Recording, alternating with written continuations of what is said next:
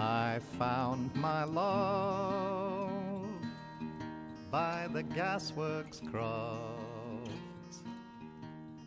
Dreamed a dream by Hej och välkommen till Radio åt alla och välkommen till Malmö, en podd producerad av Allt åt alla Malmö om eh, stadspolitik i Malmö.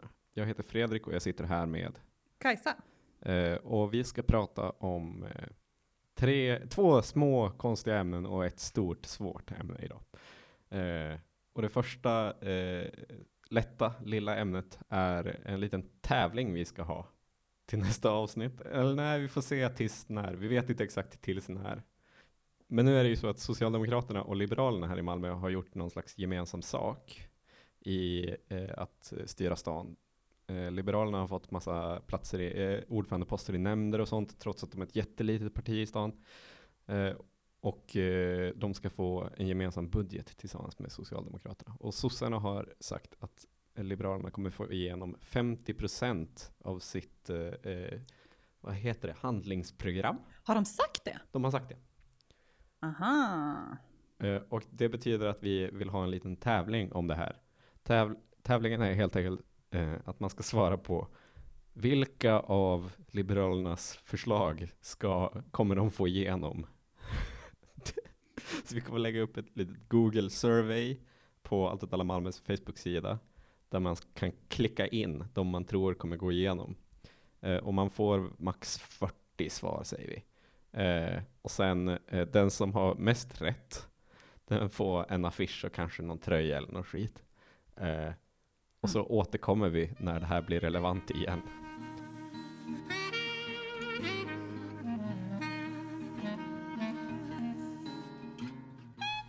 Det här är någonting jag inte hade hört om eh, överhuvudtaget tills nyligen, vilket är konstigt för en ganska gammal nyhet.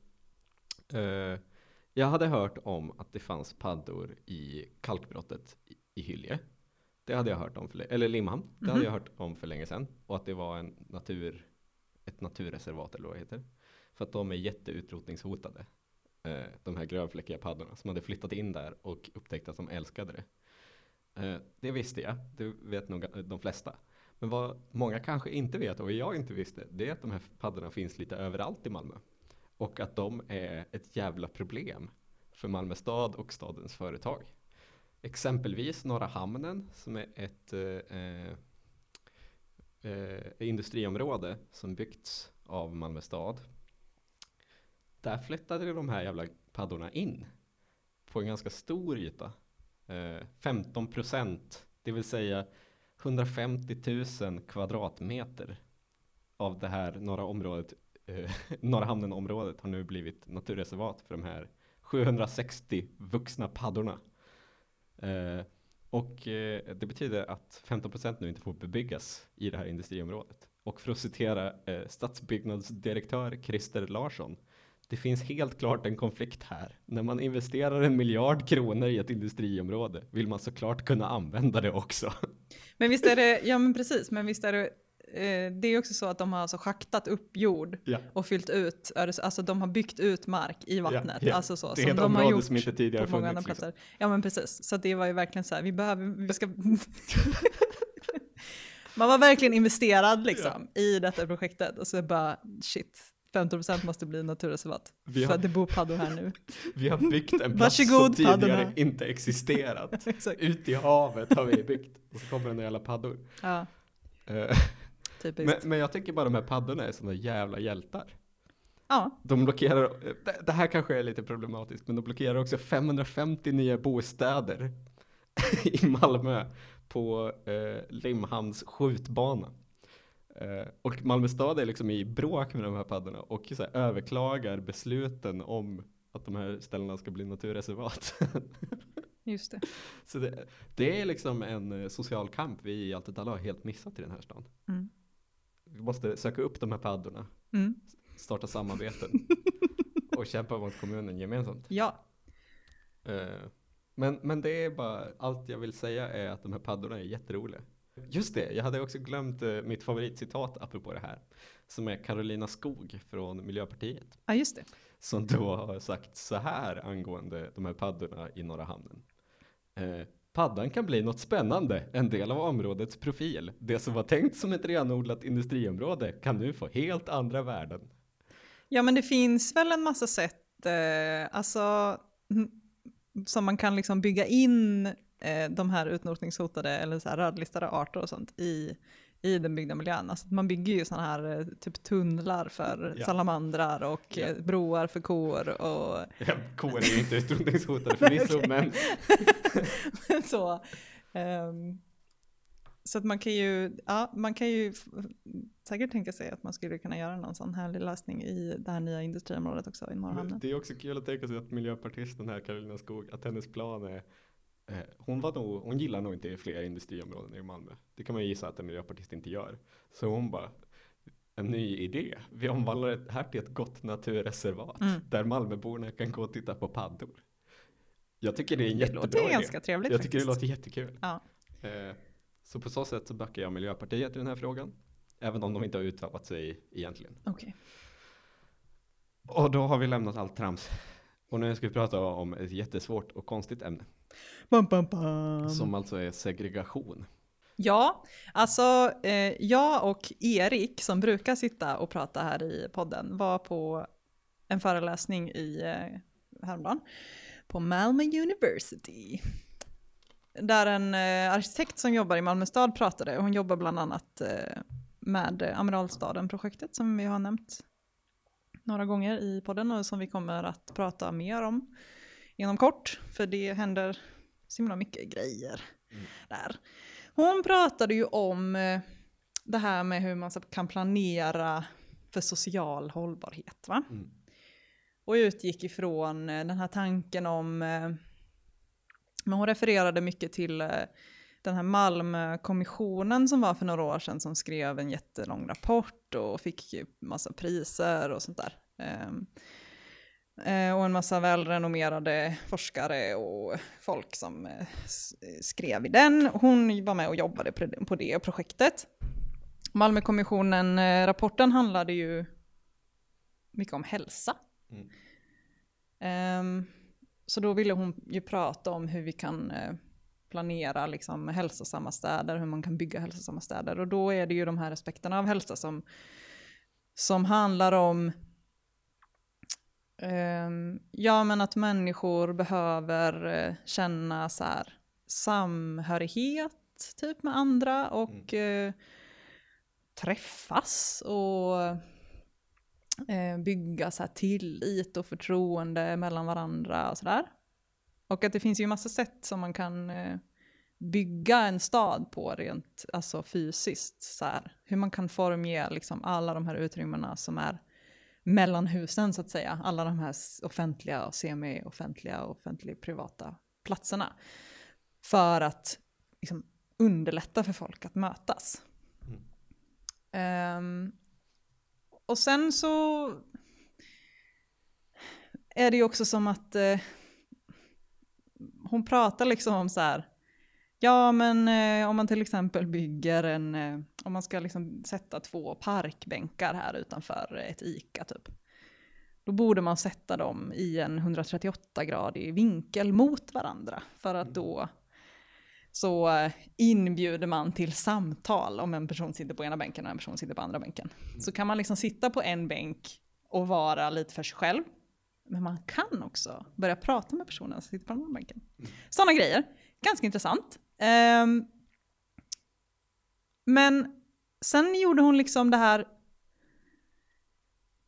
det här teoretiska hoppet. Eller det här ehm, Ja men att man börjar prata om möten eh, och så här samvaro i staden utifrån den här eh, segregationsproblemet. Mm. Eh, och det här segregationsproblemet är ju eh, ständigt återkommande.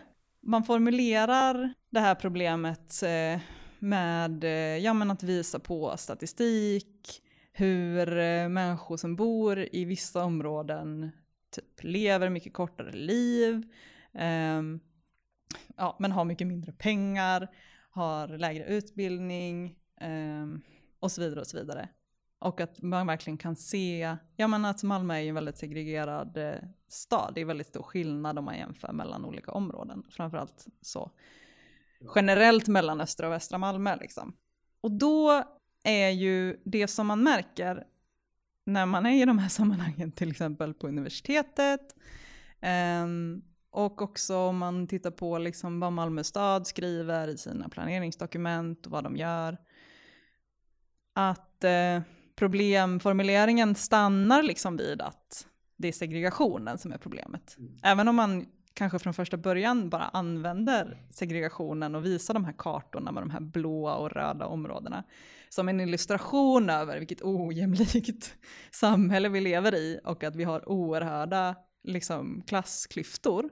Så när man pratar om fysisk planering så tappar man ju liksom bort det egentliga problemet. Och så börjar man prata om att det är segregationen i sig som är problemet. Mm. Som Nej. att det var det som, var, som är det negativa, det är det, att det är det som, som eh, leder till, till liksom ogynnsamma förhållanden för människor i de här olika områdena. Att de inte möts tillräckligt mycket. Men det egentliga problemet är att det finns skillnader i hur, hur mycket pengar folk har. Att det finns skillnader i Ja, alltså resurser man kan få att till. vi Ja. lever i ett klassamhälle där din klassposition avgör dina livschanser. Liksom. Ja. Det, är ju, det är ju det som är problemet. Eh, Men, men det är ju, och jag menar det kan ju ha liksom en ganska naturlig förklaring för att fysisk planering ju är ehm, ehm, väldigt, begräns, ett väldigt begränsat verktyg när det kommer till att utjämna skillnader. Alltså, eller Ja. Det, finns är en ju inte ett verktyg för att utjämna Det finns en skillnader. enorm övertro inom arkitektur och stadsplanering att det byggda rummet kan liksom fullständigt förändra hur folk lever och beter sig. Ja men precis. Som det liksom inte finns så mycket empiri för överhuvudtaget, utan det är bara ett antagande. Mm. Och då tyckte jag då, den här arkitekten från Malmö stad som pratade om det här, hon drog liksom de här växlarna på, ehm, ehm, på liksom integrationsprojekten så som, som hon beskrev. Alltså hon pratade till exempel om Amiralstaden, ehm, som ett sätt att bryta segregation, alltså att man gör det här omvandlingsprojektet i Rosengård och bygger massa nya bostäder. Eh, men också att man liksom skapar de här målpunkterna för folk att, att, eh, eh, ja, men att röra sig in till de här platserna och också ut och bygga Mm. stråk och så vidare. Men hon, ja, men hon tog massa exempel på, eller hon tog de här exemplen då på hur man kan bygga det som de kallar liksom en blandad stad. Mm. Och det här, och begreppet blandad stad, nu känns det som att jag eventuellt kommer sväva iväg lite, men jag kör på. Kör. I, i, på universitetet så pratar man, eh, så har jag fått bilden av att man pratar om blandad stad och då förstår man det som ett, eh, alltså en blandad stad som ett planeringsideal. Liksom. Att det är det som, eh, som är den rådande, ja men i planeringskretsar, det är det man vill eh, planera för Ja, helt enkelt. Och det har ju varit ett det- ideal väldigt länge. Ja, Alltså 60-talet var ju också blandad stad som var idealet liksom. Till viss del. Att det var så att eh, alla ska kunna bo i ett miljöprogram, eh, miljonprogramsområde och där ska alla klasser ja men precis. mötas. Ja absolut, men det är ju blandad stad i den här eh, sociala bemärkelsen eller vad man ska Ja. kalla. Ehm, men när jag har hört det här begreppet så har jag förstått det som att man menar funktionsblandning Ja. framförallt. Eller enbart. Alltså att vi ska ha bostäder, vi ska ha verksamheter. Ja. Ehm, Också ett service. gammalt socialdemokratiskt ideal. ABC-områden. Mm, absolut. Men att det nu kanske på senare år mer har kommit att översättas i någon slags innerstadsideal. Mm. Typ att ah, hela staden ska vara innerstad. Men eh, när man sen eh, läser eh, planerings, alltså typ Malmö stads olika planeringsdokument så pratar man om blandad stad. Det är ju till och med ett av de typ tre övergripande målen i översiktsplanen är så. Man pratar väldigt mycket om att, ska, att man vill bygga en blandad stad. Mm. Eh, för att man väl tycker att ja, men staden är inte blandad så som den ser ut. Den är segregerad istället, eh, liksom. Ja men precis. Det är liksom Men då menar man ju blandad som i vi ska ha människor, vi ska ha både så fattiga och rika människor på samma plats. Ja. Det är det man menar. Och Mm. det var typ en liten sån aha moment för mig tror jag. Mm. För att jag har inte fattat att, det, att man menar blanda människor. Man menar Nej. inte blanda bostäder och service. Men det är, det är blandade boendeformer och blandade inkomster. Så det ska vara bostadsrätter och hyresrätter kopplade till varandra och sånt. Norra. Norra Sorgenfri är också ett sånt blandad stad-projekt. Men Mm. eh, Amiralstaden är ju det ultimata blandad stad-projektet. Mm. Där är så, man ska omvandla liksom de bostäder som finns, eller delar av de bostäder som finns till bostadsrätter. Så att det ska kunna bo lite rikare människor, men också så att de som bor där redan ska kunna göra en så kallad bostadskarriär. Mm. Det är väldigt mycket så, eh, om, om eh, Victoria Park då till exempel, som vi pratade om i förra avsnittet, väldigt, så på svart och vitt verkligen säger att, att eh, gentrifiering är någonting positivt. Mm. Alltså att eh, eh, vi behöver, i att de så kallade socioekonomiskt utsatta områdena som Victoria Park är inne och, och härjar i, tänkte jag säga, Nej, men som de är som de äger, Mm. eh, så tycker de att det, är, det finns ett värde i att människor som kommer utifrån de här områdena och har en, eh, eh, bättre eller starkare liksom, ekonomiska resurser eh, flyttar in. Medan Malmö stad ju inte säger det på det sättet. Nej. Utan Malmö stad säger ju så här, i till exempel i programmet för eh, eh, Törnrosen, eh, del av Värtagården, så säger de ju att eh, det är bra om man bygger nya typer av bostäder så att det blir möjligt för folk i området att göra boendekarriär. Alltså problemet är att när folk får mer pengar så flyttar de ifrån Rosengård. Mm. Och nu vill de att folk ska flytta inom Rosengård. Men också att det, Det är ju kunna samma sak, Ja. bara att man formulerar det på lite olika sätt. Ja. Men, Eh. men också att man vill kunna få andra människor att flytta in i Rosengård också. Men man säger inte det på det sättet. Nej. Utan man säger att det är till för de som redan bor där, att, Ja. att kunna flytta. Men det, Eh, alltså egentligen är det väl lite så att, alltså vi snackade om det här ganska länge innan avsnittet. ja. Vi fastnade i ett eh, djupt mörkt samtal om det här. Mm. Där, som började med att vi båda konstaterade att problemet är inte segregation. Ja, alltså för grejen är ju att för min del, intuitivt, så, så vänder jag ju mig emot hela den här problemformuleringen. Alltså att jag tycker liksom inte att segregation är ett problem. Och därför så tycker jag inte heller att integration är eh, en universell lösning. Liksom. Eh, jag, jag tycker ju verkligen att den problemformuleringen är ehm, ja men bara döljer riktiga problem. Liksom. Problemformuleringen att det skulle vara segregationen som, som, eh, eh, som skapar eh, Social problematik. Ja men precis. Alltså, gör livet surare för folk. Ja. Det är ju bara så himla främmande för mig. Ja. Men, och då, när man lyssnar till exempel då på den här arkitekten, Mm. behöver inte nämna några namn. Nej, du har hängt ut tillräckligt många i den här podden. Ja, men då till slut så är det ju, för att det var ju som att det kom in folk och ställde olika frågor under den här liksom timmen eller föredraget. Och till slut så är det som att hennes argumentation liksom utkristalliserar sig mer och mer. Och, och till slut så står det verkligen klart att det hon, det hon menar när hon säger när hon pratar om social hållbarhet och hon pratar om att man behöver möta andra människor och skapa tillit och sånt. Det är ju just det att människor med olika klassbakgrund eh, ska, ska mötas. Och att det ska ge upphov till en, ja men en eh, starkare sammanhållning i samhället generellt. Typ. Och då tog hon ju som exempel då det som blir, det som aktualiseras i de här diskussionerna väldigt ofta är ju skolan. Så dels för att man väl tänker sig att eh, barn är eh, Framtiden. Ja, men vår framtid. Och att barn är så här härligt formbara och så här, eller härligt formbara är kanske fel ord. Men typ att eh, ofta så får, pratar man ju om det som att det är lite vår plikt att, eh, att se till så att barn liksom växer upp i en miljö där de får se människor som är på något sätt olika dem själva. Eller sådär, att det finns något värde i det. Men också det här att det är ju som jag har förstått det faktiskt är så att eh, barn som eh, kommer ifrån fattiga förhållanden och har föräldrar som är lågutbildade har ju mycket större, eh, eller har ju mycket svårare att eh, ja, men klara sig bra i skolan och gå vidare och typ få en högre utbildning och så vidare. Eller, ja. Medan barn som kommer från med högutbildade föräldrar och har en stabil eh, Eh, ekonomisk grund liksom, har mycket lättare för sig. Och om man då eh, låter de här barnen gå i skolan tillsammans så är det som att de här eh, barnen som klarar sig bättre i skolan eh, på något sätt påverkar de barnen som klarar sig sämre till att klara sig bättre.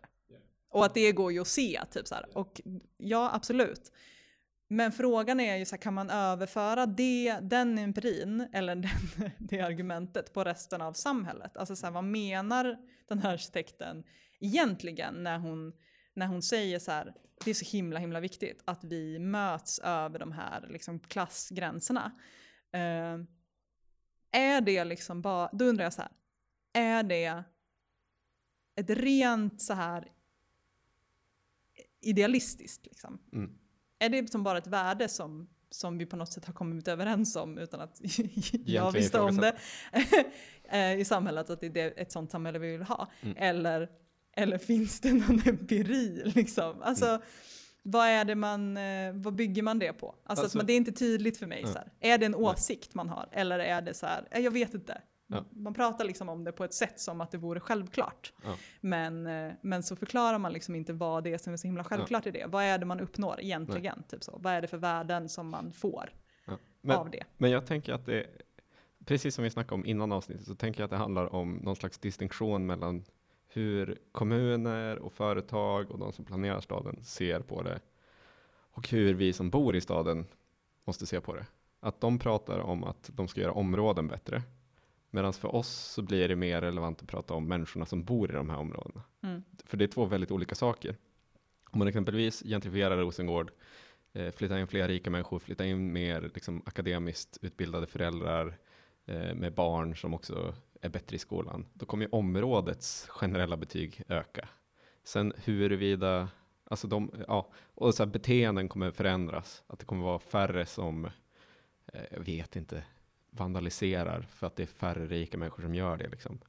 Eh, men det kommer troligen, alltså det, att det inte handlar om att människorna som tidigare bodde där har förändrats. Mm, Utan precis. det handlar om att de människorna har ju försvunnit. Och det, om, om man får uttrycka sig lite, eh, lite sjukt så ska jag säga att det är liksom det som är vårt problem är att vi är kommunister. Liksom. Vårt problem är att vi inte kan bortse ifrån de människorna. Vi, vi ser inget egenvärde i att Malmö har bättre statistik i slutet av året och bara så här, "Huh, mindre vandalisering, nice. Mm. Utan vi är ju egentligen ute efter att eh, åt var och en efter förmåga och av var och en efter förmåga och åt var och en efter behov. Liksom. Mm. Att, att vårt syfte är ju inte att det ska se bättre ut på pappret för oss i Malmö, utan vårt syfte är ju att det inte ska finnas några fattiga längre. Mm. Eh, och liksom, jag tror att det är det som är vårt problem med att förstå det här, att vi är kommunister helt enkelt. Det, det är väl vårt fel liksom. Men för Malm, från Malmös perspektiv så är det ju jättelogiskt. De vill ju ha färre brott liksom. Och då är det jättebra att de som begår brott, eller de som är fattiga och så vidare, de som betalar mindre skatt, att de bara inte finns i stan längre. För att för dem så finns det liksom tydliga gränser utanför Malmö. Det här är inte vårt ansvar längre.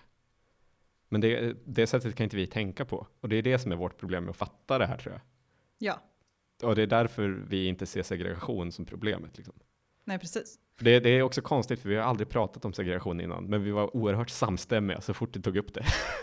Ja men precis, för att det är ju någon... eh, Ja men att formulera problemet som att det skulle vara segregationen som är problemet är Mm. ju, är ju någon, som du sa innan, en liksom sossetanke. Eller det är Ja. någon slags socialdemokratisk idé om, eh, om samhället. Liksom att, eh, att vi bara ska, ah, jag vet inte. Ja, men det, alltså det är jättelogiskt från deras perspektiv. Liksom. Från det socialdemokratiska perspektivet så är det ju superlogiskt. Att det är så att, eh, att man måste sky- skydda områdena, att områdena ska må bra, att, ska, eh, att staden ska må bra på grund av att områdena ska må bra. Mm. Eh, men vad som finns där utanför eller vad som finns som vi inte ser, det spelar ingen roll. Mm. Det finns liksom inte i den världen. Liksom. Men det jag är lite intresserad av är ju, är ju just så här, ja men problemformuleringen som är oerhört förhärskande. Att eh, segregationen är problemet och också den här lösningen som är oerhört förhärskande i alla liksom planerings eh, och arkitektursammanhang. Att vi kan bygga en mer integrerad stad, alltså att vi kan bryta, Malmö stad pratar ju hela tiden, och det har vi nämnt flera gånger om, att vi måste bryta de här mentala och fysiska barriärerna mellan områden. Vi måste liksom, eh, ja men om man läser till exempel planprogrammet som finns för Örtagården Törnrosen, som ju är en del av Amiralstaden-projektet. Som, eh, och det är hela det här med Culture Caspa. Eh, eh, Som vi har vikt ett helt avsnitt åt. ja, Men som vi kommer har behöva återgå till. om det redan, så att alla vet. Men när man läser de här planerna så är det ju som att de utgår ju från, de utgår ju väldigt mycket ifrån en problembeskrivning. Mm. Alltså att det finns ett problem i Rosengård. Mm. Och det gör det ju. Ja. Liksom. Mm. Ehm, men det här problemet formuleras som att det handlar om att folk som bor i Rosengård är så himla isolerade från resten av staden. Mm. Och det är hemskt. Ja. Och det är det man vill försöka råda bot på på något sätt. Så här, återigen, det här är problemformulering om segregation och lösningen blir integration. Så här. Ja. Eh, I det här sammanhanget så blir ju den här eh, Victoria Park-rapporten som vi pratade om i förra avsnittet som väldigt intressant för att det som de gör i den rapporten är ju att de på något sätt gör en teoretisk underbyggnad av den argumentationen. Liksom. Mm. Och det är broken windows och det är social smitta. Ja, exakt. Och, och, och det är ju på något sätt så himla befriande för att det är den teoretiska, eh, att utveckla det teoretiska resonemanget saknas ju lite Mm. eh, i alla de här andra planeringssammanhangen, alltså Ja. i, i Malmö stads eh, retorik. Så Ja. fattar man liksom inte riktigt vad det är de tänker ska hända. Alltså det känns lite som magi liksom. Mm. Vilket ju också, ja. Men det är alltså kommuner och så vidare, de brukar inte förklara varför de gör saker egentligen, utan det är mer underförstådda liksom, sanningar. Mm. Så som det här sättet att se på samhällsproblem, att det är segregation och i- lösningen är integration. Att det är liksom den underförstådda sanningen som vi alla bär på. Liksom. Mm. Eh, Och någonstans så blir ju det, alltså om man vill vara väldigt krass och kritisk, vilket kanske är min spontana utgångspunkt till hela det resonemanget, så blir jag så här. Ehm, ja men, att problemet som man formulerar det är ju att man säger så här att fattigdom är ett problem så länge den är för koncentrerad i rummet. ja, det är ju liksom, och, men också den eh, bisatsen att fattigdom, som, fattigdom kan också lösas genom att inte vara koncentrerad i rummet. Ja, Vilket, är, vilket bara inte stämmer. Liksom. nej, precis. Ehm, Folk kommer fortfarande vara fattiga, det är bara det att de kommer ha lite rikare kompisar. Och det är ju där den här, ja men precis, och det är ju där hela den här, det som är Victoria Parks eh, case, precis som du nämnde, eh, ja men att det är den här kon- koncentrationen av fattigdom som blir som en, eh, eh, en självförstärkande process, det är så här en, eh, en internalisering typ hos människor av det här så kallade utanförskapet, att de liksom eh, beteendena på något sätt förstärker varandra. Och sen Ja. en otroligt, otroligt eh, liksom bara klass och människofientlig Ja. sätt att beskriva. Alltså det, jag vet inte, det är ju helt uppåt väggarna liksom. Mm. Ehm, men att man på något sätt, ja, det Men- är ju det som går igen. Alltså när jag läser de här planprogrammen så är det det jag läser mellan raderna. Och sen Mm. kanske det är liksom, ja, jag vet inte. Jag, jag har ju liksom den utgångspunkten på något sätt. Ja. Men sen så kan man ju också se det på ett annat, eller det finns ju aspekter av det här också såklart. Mm. Som vi borde komma in lite på. Och det är ju eh, det som blir, och det som har gjorts väldigt aktuellt nu i med Amenalstaden-projektet. Eh, och som är ständigt aktuellt för att vi lever i eh, kapitalismen. Eh, och det är ju att, ja men, eh, Katrin Stjernfeldt Jamme var det som eh, eh, citerades i någon Sydsvenskan artikel eh, precis ja, men i samband med att, de, eh, ja, men att Malmö stad och MKB gick ut med att de skulle sälja ut jättemånga lägenheter på Rosengård för att, kunna, 1650. Eh, för att kunna finansiera hela det här omvandlingsprojektet som är, ju är en del av Malmöstaden som är det här att man ska bygga det här eh, Mm. flashiga tornet och Rosengårdsstationen och liksom Som nu invigdes idag för övrigt. Ja, just det. Då i alla fall så, så citerades hon där hon bara konstaterade att det är ju ingen som har investerat någonting Mm. i Rosengård på flera decennier. Ja. Så det här är ju skitbra liksom. Ja. Men det är ju bara... Och man bara, ja, det finns ju faktiskt någonting som är positivt med ja, det här. Det är ju sjukt Det att ingen ju- har brytt sig om Rosengård. Ja men precis. Och jag menar, det är klart att människor som bor i Rosengård eh, gynnas ju på något sätt. Eller liksom om man, man gynnar, eller vi, vi lever ju i en stad där det på något sätt, som på något sätt bygger på att kapitalet kommer in och Rädda dagen. liksom. Ja men lite så. Alltså bara typ att någon, ja men att man har ett område där, ingen, där ingenting har något värde. Ja. Liksom. Eh, och att det därför så här, ja men blir sjukt slitet och nedgånget och ingen bryr sig typ om att investera, om att investera i så här, utemiljö. Och det kanske inte finns något intresse av att etablera olika typer av service. Mm. Liksom. Och så kommer det in någon och investerar skitmycket pengar. Det är klart att det kommer leda till en massa bra grejer. Alltså det kommer Ja. bli jättefint liksom. Och det kommer bli najsare säkert att bo där. Ja. Ehm, fram till den punkt där man måste flytta för att hyran Ja. kommer höjas. Men om man bortser från hela den problematiken så är det ju såklart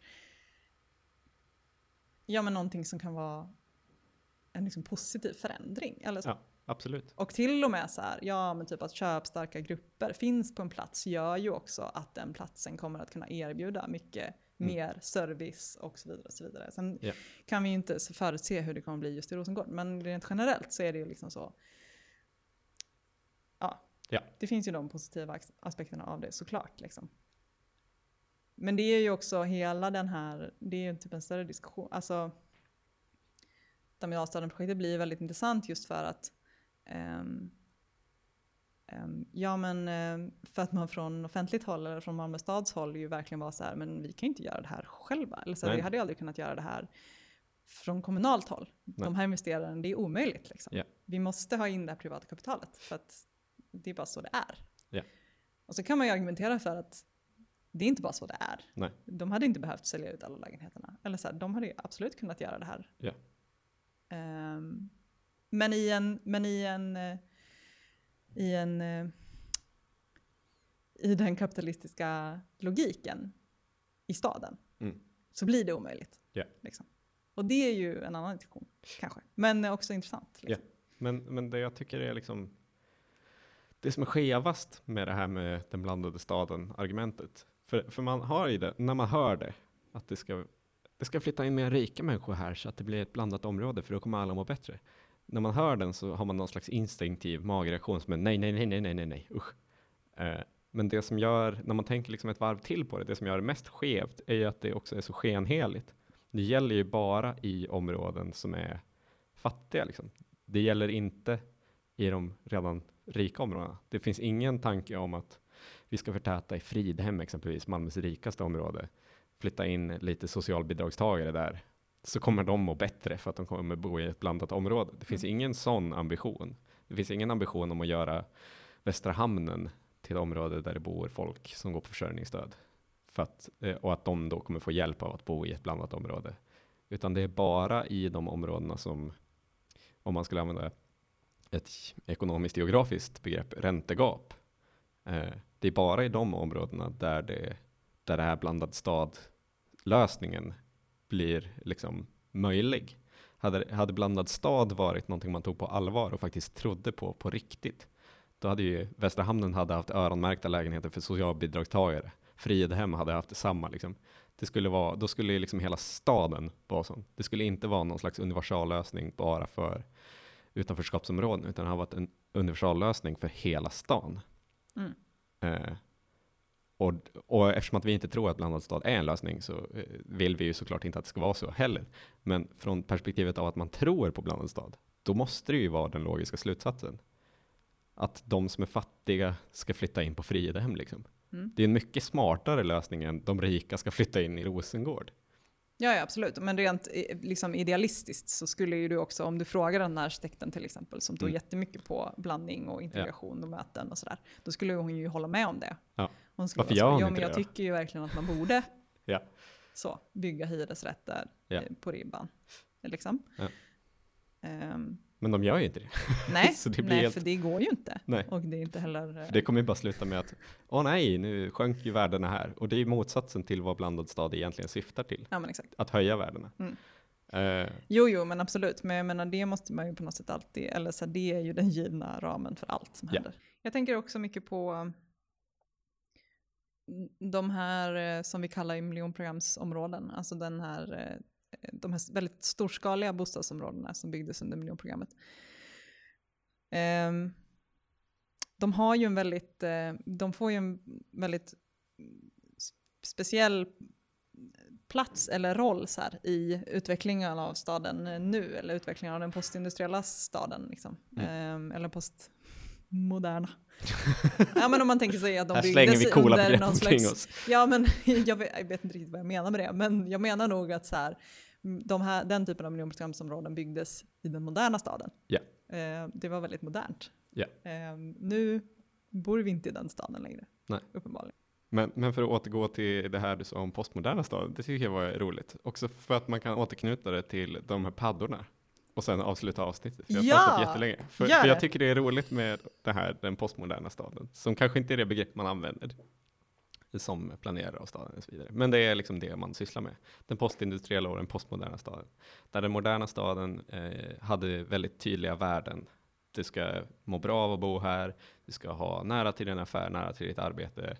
Eh, det ska finnas mycket luckor där du kan ha dina grejer. Du ska ha en, en härlig levnadsmiljö, liksom. mycket Vilka lekplatser. luckor där Ja, jag kan ja, ha gud. mina grejer. Ja, det är det bästa med så, miljonprogramslägenheter är att de ofta har väldigt mycket inbyggda Ja, garderober förvaring, ja. Ja, Mm, förvaring. precis. inte, inte luckor i allmänhet, utan förvaring. Jag trodde att det var något sånt. här kan du hitta... Var att luckor var någon slags metafor nej, för nej, nej, här, nej, icke-platsen stad. Ja, så, skitsamma. så postmodern är jag inte. Men, men, men medan i den postmoderna staden så har vi helt andra värden. Och där är det mer så klassiskt kosmopolitiska värden, att det ska vara så upplevelser. Du ska ha, kunna uppleva saker, du ska kunna eh, göra dittan och dattan, eh, se saker. Mm. Eh, oh, eh, något spännande, en skulptur. Eh, En groda. en groda, ja. Nu, nu spoilade du min, Förlåt. min punch. Men, men eh, vad heter det, för det, för det är också eh, så att den här blandad stad är också ett postmodernt argument för man, varför man ska vilja flytta in i Rosengård som kosmopolit, som övre medelklass.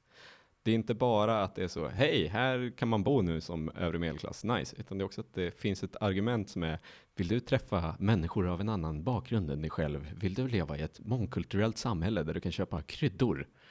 Eh, det är liksom rent postmoderna värden av, som bara bekräftar liksom den övre medelklass självbilden och viljan att uppleva vissa upplevelser och affekter och Ja. Eh, så på så sätt så är liksom den postmoderna staden viktig i det här. Att det inte bara är en ekonomisk process utan det är också den här, att det är det den moderna stadsbon vill ha. Mm. Eh, men för att då återgå till paddorna. Jag tycker det, det är det som är roligt med hennes Karolinskog, eller vad hon hette, hennes uttalande om att man kan göra om det här industriområdet. Att liksom grodorna, att det har blivit en liksom upplevelse. Att, att vi kan Det omvandla är de här grodorna som kommer skapa värde. Det är Ja, inte det här, så här ICAs nya logistikcentrum Nej, nej, nej, i södra Sverige inte. som kommer Absolut skapa inte. värdet. Nej, nej, absolut inte. Det är de här grodorna, för de är en viss upp, en sorts upplevelse. De här är utrotningshotade. Du kan inte se dem någonstans förutom här i norra hamnen. Flytta in eller upplev det här. Liksom. Det är ju den postmoderna De staden i kanske kan ha någon slags giftshop typ, att man kan gå och köpa en mugg så här, med groda på. Eller, något. Fläckig padda. eller någon sån disktrasa. Ja, nej, det känns för tacky. Men, men jag, jag gillar det, att det, ja, det är verkligen det yttersta exemplet på det här fenomenet. Ja. Eh, så det här avsnittet kommer nog behöva heta någonting som har med paddor och blandad stad att göra. Mm. Grönfläckig stad. Där var det bestämt. Ja. Tack Okej. och hej. Tack så mycket. Dirty old town. Dirty old town.